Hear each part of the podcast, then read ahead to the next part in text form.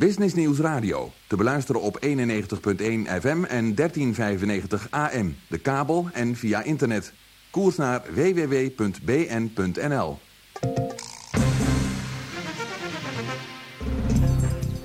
precies 1 uur. Een hele goede middag.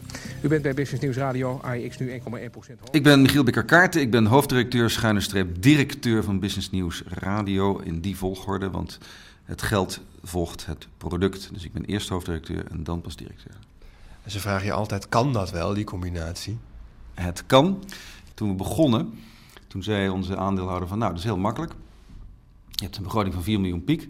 Dan moet je dus uh, acht financiële instellingen zien te vinden... die allemaal een half miljoen op tafel leggen. En die kopen dan stukken van de programmering en dan ben je klaar. Toen heb ik gedacht van nee, dat moesten we dus maar niet doen. We gaan gewoon secondes verkopen. We hebben een onafhankelijke redactie. Wij maken gewoon nieuws. En dan moeten die adverteerders maar bekijken of ze daar uh, graag bij willen adverteren. Dankjewel Frans Binnendorf. Straks dus uh, kwart voor twee meer beursnieuws. Uw carrière op de rit, uw sociale leven op peil... maar u bent te druk om serieus te zoeken naar een partner... Voor u is er nu. Ik ben Ron Bisschop en ik presenteer uh, op alle werkdagen op Business Nieuws Radio. Dat is wel een leuke zender, Ron. Dat is een leuke zender, want het is uh, nou, niet de eerste, maar wat mij betreft doet er wel de beste poging om uh, een alternatief te bieden voor die andere informatieve zender Radio 1. En wij zitten er ook niet in plaats van. Het is gewoon een alternatief. En wij brengen dus een beetje, ja, een soort teletext op de radio noem ik het maar al het nieuws in 20 minuten, wat steeds wordt ververst. Wat op teletext ook gebeurt. Ja. Dus niet uh, vijf kwartier over Jurk Harder bijvoorbeeld. Daar zijn weer andere zenders voor. Ja. Je hebt ook een andere poging meegemaakt, Veronica Nieuwsradio. Ja. Kan je wat verschillen noemen ten opzichte van hoe het hier aangepakt is? Nou, de verschillen waren tweeërlei. Enerzijds uh, organisatorisch. Het was daar veel te groot opgezet. Het kostte echt miljoenen per maand. Nou, dat kan natuurlijk niet. Er stonden tien leaseauto's voor de deur... terwijl de verslaggevers hun onderwerpjes liever telefonisch afdeden. Dus dat is een beetje zonde van het geld. Uh, mensen die er ook in investeerden, zoals Quotes, die gooiden ook geld in een bodemloze put. Dus dat zag je eigenlijk al van begin af aan uh, mislukken. Ja, en VNR is gewoon binnen negen maanden ten onder gegaan aan zijn eigen capsodes, heeft Theo van Gogh een keer gezegd. Daar ben ik het eigenlijk wel mee eens. Business News heeft van meet af gezegd, wij gaan het anders doen, met zo min mogelijk mensen. Nou, dat was ook niet alles. Dus in de loop der tijden is uh, de organisatie toch alweer uitgegroeid van 26 naar 70 man op dit moment. En daar moeten we het wel mee kunnen redden. Uh, nou heb jij ook nog in ditzelfde pand gewerkt bij de zender die hiervoor die middengolffrequentie bestierde, Talk Radio. Dat moet een hele rare fase geweest zijn toen die overgang plaatsvond van Talk, van de een op de andere dag naar business nieuws. Wat wist jij van, van beursnieuws? Niks. Het was op een vrijdag, op een donderdag dat ik het hoorde. Vrijdag moest ik me melden. Toen hoorde ik ook dat uh, Michiel Bikkerkaart uh, leiding ging geven eraan. En toen hebben we het hele weekend een soort ja, spoedcursus beurzen gehad. Onder het motto: in een poepende scheet ben je beursprofeet. Nou, dat ben je natuurlijk niet, want ik wist nauwelijks het verschil tussen de Nikkei en de Nasdaq. Uh, maar gewoon een aantal basisbegrippen moesten we ons toen even snel eigen maken. En uh, ja, maandag was het gewoon uh, beginnen maar. Maar echt als een kat in een vreemd pakhuis. Het heeft mij een maand of drie gekost voor ik een beetje wist waar ik het over had. Verkeersinformatie, tien voor, tien over en op het half uur. Werknemers van ABN AMRO maken op grote schaal gebruik van de vertrekregeling... die de bank haar personeel tot 15 januari biedt.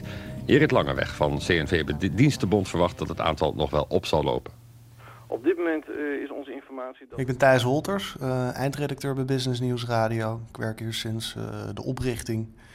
En naast eindredactie doe ik ook wel eens presentatie en gewoon redactiewerk en verslaggeving. Bij Business News betekent dat vaak iemand aan de telefoon over het nieuws. Uh, ja, door het feit dat we niet uh, al te veel verslaggevers hebben, moeten we vaak telefonisch, maar dat is meer noodgedwongen. Kun je iets schetsen over, over, uh, over het werkklimaat hier binnen een commerciële organisatie waarin je toch onafhankelijke nieuwsredactie bestiert? Ja, ik heb het zelf nooit ervaren als, als, als zijnde commercieel in de zin dat we niks te maken hebben met sales. Uh, er zit gewoon nou ja, letterlijk een, straat tussen het gebouw waar de redactie zit en waar sales uh, huisvest. Dus wat dat betreft denk ik niet dat je echt een aanmerkelijk verschil hebt. We doen in ieder geval niet tijdens onze weekuitzending aan infomercials. Dus het is gewoon echt allemaal nieuws en het is niet gekocht nieuws om het zo maar even te noemen. Na de reclame.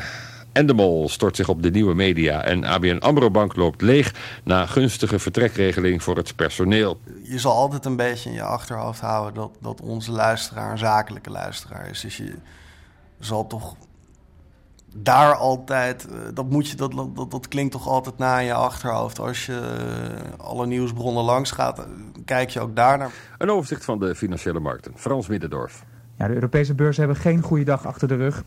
De AX verliest vandaag 1,1 procent. 493 punten staat de hoofdindex en de midcap staat een half procentje lager op 497 punten. Negatieve cijfers, uh, rode cijfers, zo, zo, u wil. Vodafone Libertel staat nu, eens even kijken, 3,9 procent lager op 10 euro rond. Ja, ik ben uh, Koen de Recht, uh, sinds anderhalf jaar betrokken bij dit station en sinds een jaar algemeen verslaggever. Dus jij bent een van die weinigen die namens Business News door het land vliegt? Ja, ik heb uh, twee collega's in Den Haag en uh, op uh, wisselbasis iemand van de financiële redactie die ook op pad gaat. En ja, ik doe alles eigenlijk behalve over het algemeen politiek en zware economische onderwerpen, want daar gaan zij naartoe. Maar ik schroom ook niet om daarbij te gaan staan. Maar in principe doe ik nou, van Lutjebroek tot aan Maastricht de verslaggeving. Dat is misschien een moeilijke vraag, maar het ging natuurlijk al een tijdje wat minder goed uh, met meneer Heineken. Is er ook overleg geweest tussen Heineken NV en Heineken Holding daarover van hoe moet het verder af? Ja, dat is duidelijk. Dus het komt nu wel voor dat jij plekken bent waar Radio 1 verslaggever staat en jij ook. En om de beurt ga je diezelfde interviewen.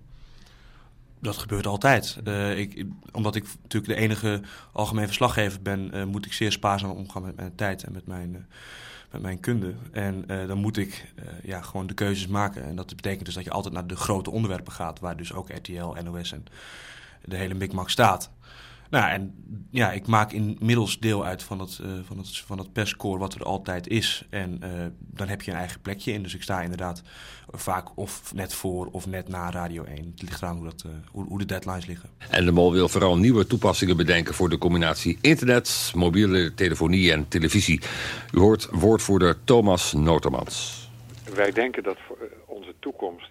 Thijs Holters, eindredacteur bij Business News Radio. Als ik de, de, de interviews en de, en de, manier waarop geïnterviewd wordt beluister hier, dan, dan valt me op dat er een vrij milde toon wordt aangeslagen en de geïnterviewde behoorlijk de ruimte krijgt om zijn eigen verhaal kwijt te kunnen. Is dat een juiste analyse?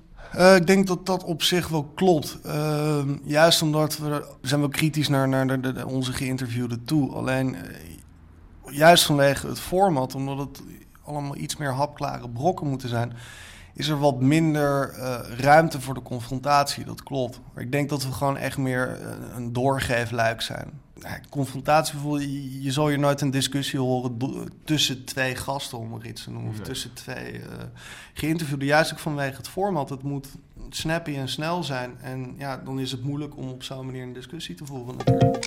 Dit is de Roemruchte Radioreeks. Ik ben Michiel Bikker-Kaarten. In Hilversum, ook op deze zender Radio 1, uh, kijkt men vooral naar kijk- en luistercijfers. Hè? En dan staat er bij Business News Radio altijd 0,2%. Dat lijkt zo marginaal, daar hoef je niet druk om te maken. Mm. En jij staat dan altijd hard te roepen, uh, dat is niet waar, zo werkt het niet. We maken hier winst, het gaat hartstikke goed met de tent. Kun je dat nou eens goed uitleggen? Ja.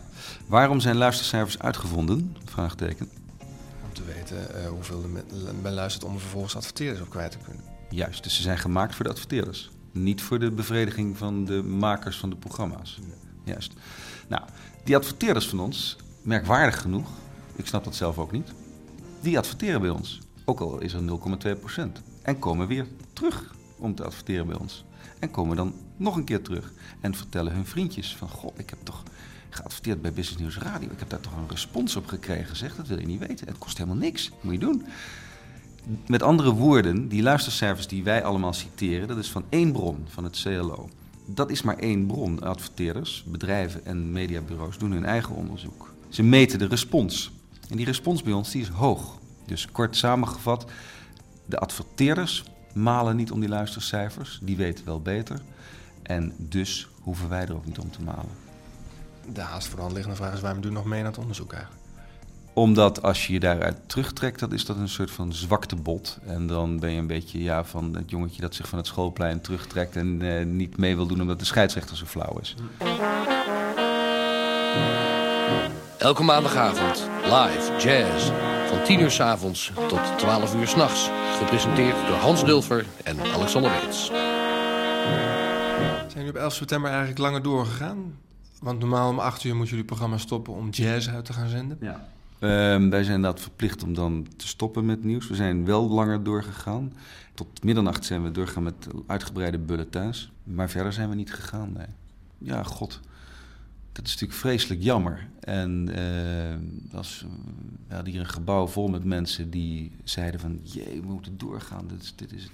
Ik zei, ja, dat is allemaal leuk en aardig, maar daar zijn we dus simpelweg niet op ingericht. Wij zijn een organisatie die is ingericht op het maken van vijf dagen per week, 14 uur per dag live nieuws. Maar niet meer dan dat.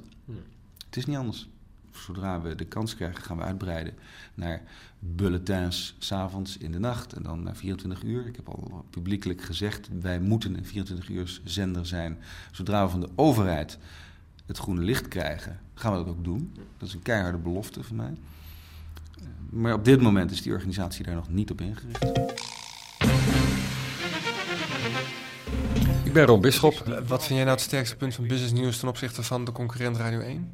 Nou, ten eerste, hoewel ik er zelf eerst tegen was, uh, dat er dus geen muziek uh, tussendoor gedraaid wordt, uh, gedraaid wordt. Dat doen we s'avonds en s'nachts wel. Dat is ook een verplichting, omdat de FM-zenders van JFK waren. Maar overdag alleen nieuws. Daar had ik in het begin een beetje moeite mee. Want ik, hoe krijg je dat in godsnaam vol? Uh, maar het belangrijkste voordeel vind ik dat je echt, en dat hoor ik ook van mensen uit het vak, maar ook van gewone luisteraars, dat je in 20 minuten ook echt wordt bijgepraat. In 20 minuten weet je wat er in de wereld gebeurt. Ja, en als je in bepaalde daluren naar Radio 1 luistert, dan uh, kan het een special zijn over één onderwerp. Maar dan heb je totaal geen idee uh, hoe het met Sabena staat of met Numico. Dat hoor je bij ons wel altijd binnen het half uur. Dus dat vind ik een belangrijk voordeel. We hoeven niet eerst naar een zendercoördinator en we hoeven niet eerst over vijf schrijven voordat we een besluit kunnen nemen. Als ik eindredactie doe, dan mag ik besluiten van we gaan dat doen, want ik vind dit groot nieuws. En dan hoef ik niet eerst met mijn hoofdredacteur of met mijn adjunct te overleggen. Die vertrouwen gewoon in jouw oordeel. En ik denk dat Radio 1-medewerkers daarop best jaloers zouden kunnen zijn. Ja. Nou, mijn doel is binnen vier jaar even groot als Radio 1. Dat is heel simpel. En dan nu het oordeel van juryvoorzitter Paul van Liemt. Business Nieuws Radio. Als je op de dorre woestijn van Talk Radio een station in drie jaar tijd kan laten bloeien, heb je het niet slecht gedaan. Dan heb je het als hoofdredacteur, annex-directeur helemaal niet nodig om als een Louis van Gaal in zijn goede dagen die domme journalisten steeds weer kenbaar te maken dat je geen zakenzender bent, maar een nieuwszender. Met de hand op de knip, veel energie en zelfvertrouwen is Michiel Bikkerkaart erin geslaagd Business Nieuws Radio op de kaart te zetten. Het station te laten groeien tot 70 medewerkers en vertrouwen bij de adverteerders te winnen. De volgende stap moet een heuse aanval op het soms de zelfgenoegzame bastion van Radio 1 worden. Als ik de baas was van Radio 1 zou ik stiekem veel geld aan Business Nieuws Radio geven. Zodat ze kunnen investeren in journalistieke kwaliteit, in meer verslaggevers en correspondenten. En ik zou pleiten voor een veel beter frequentiepakket voor Business Nieuws Radio.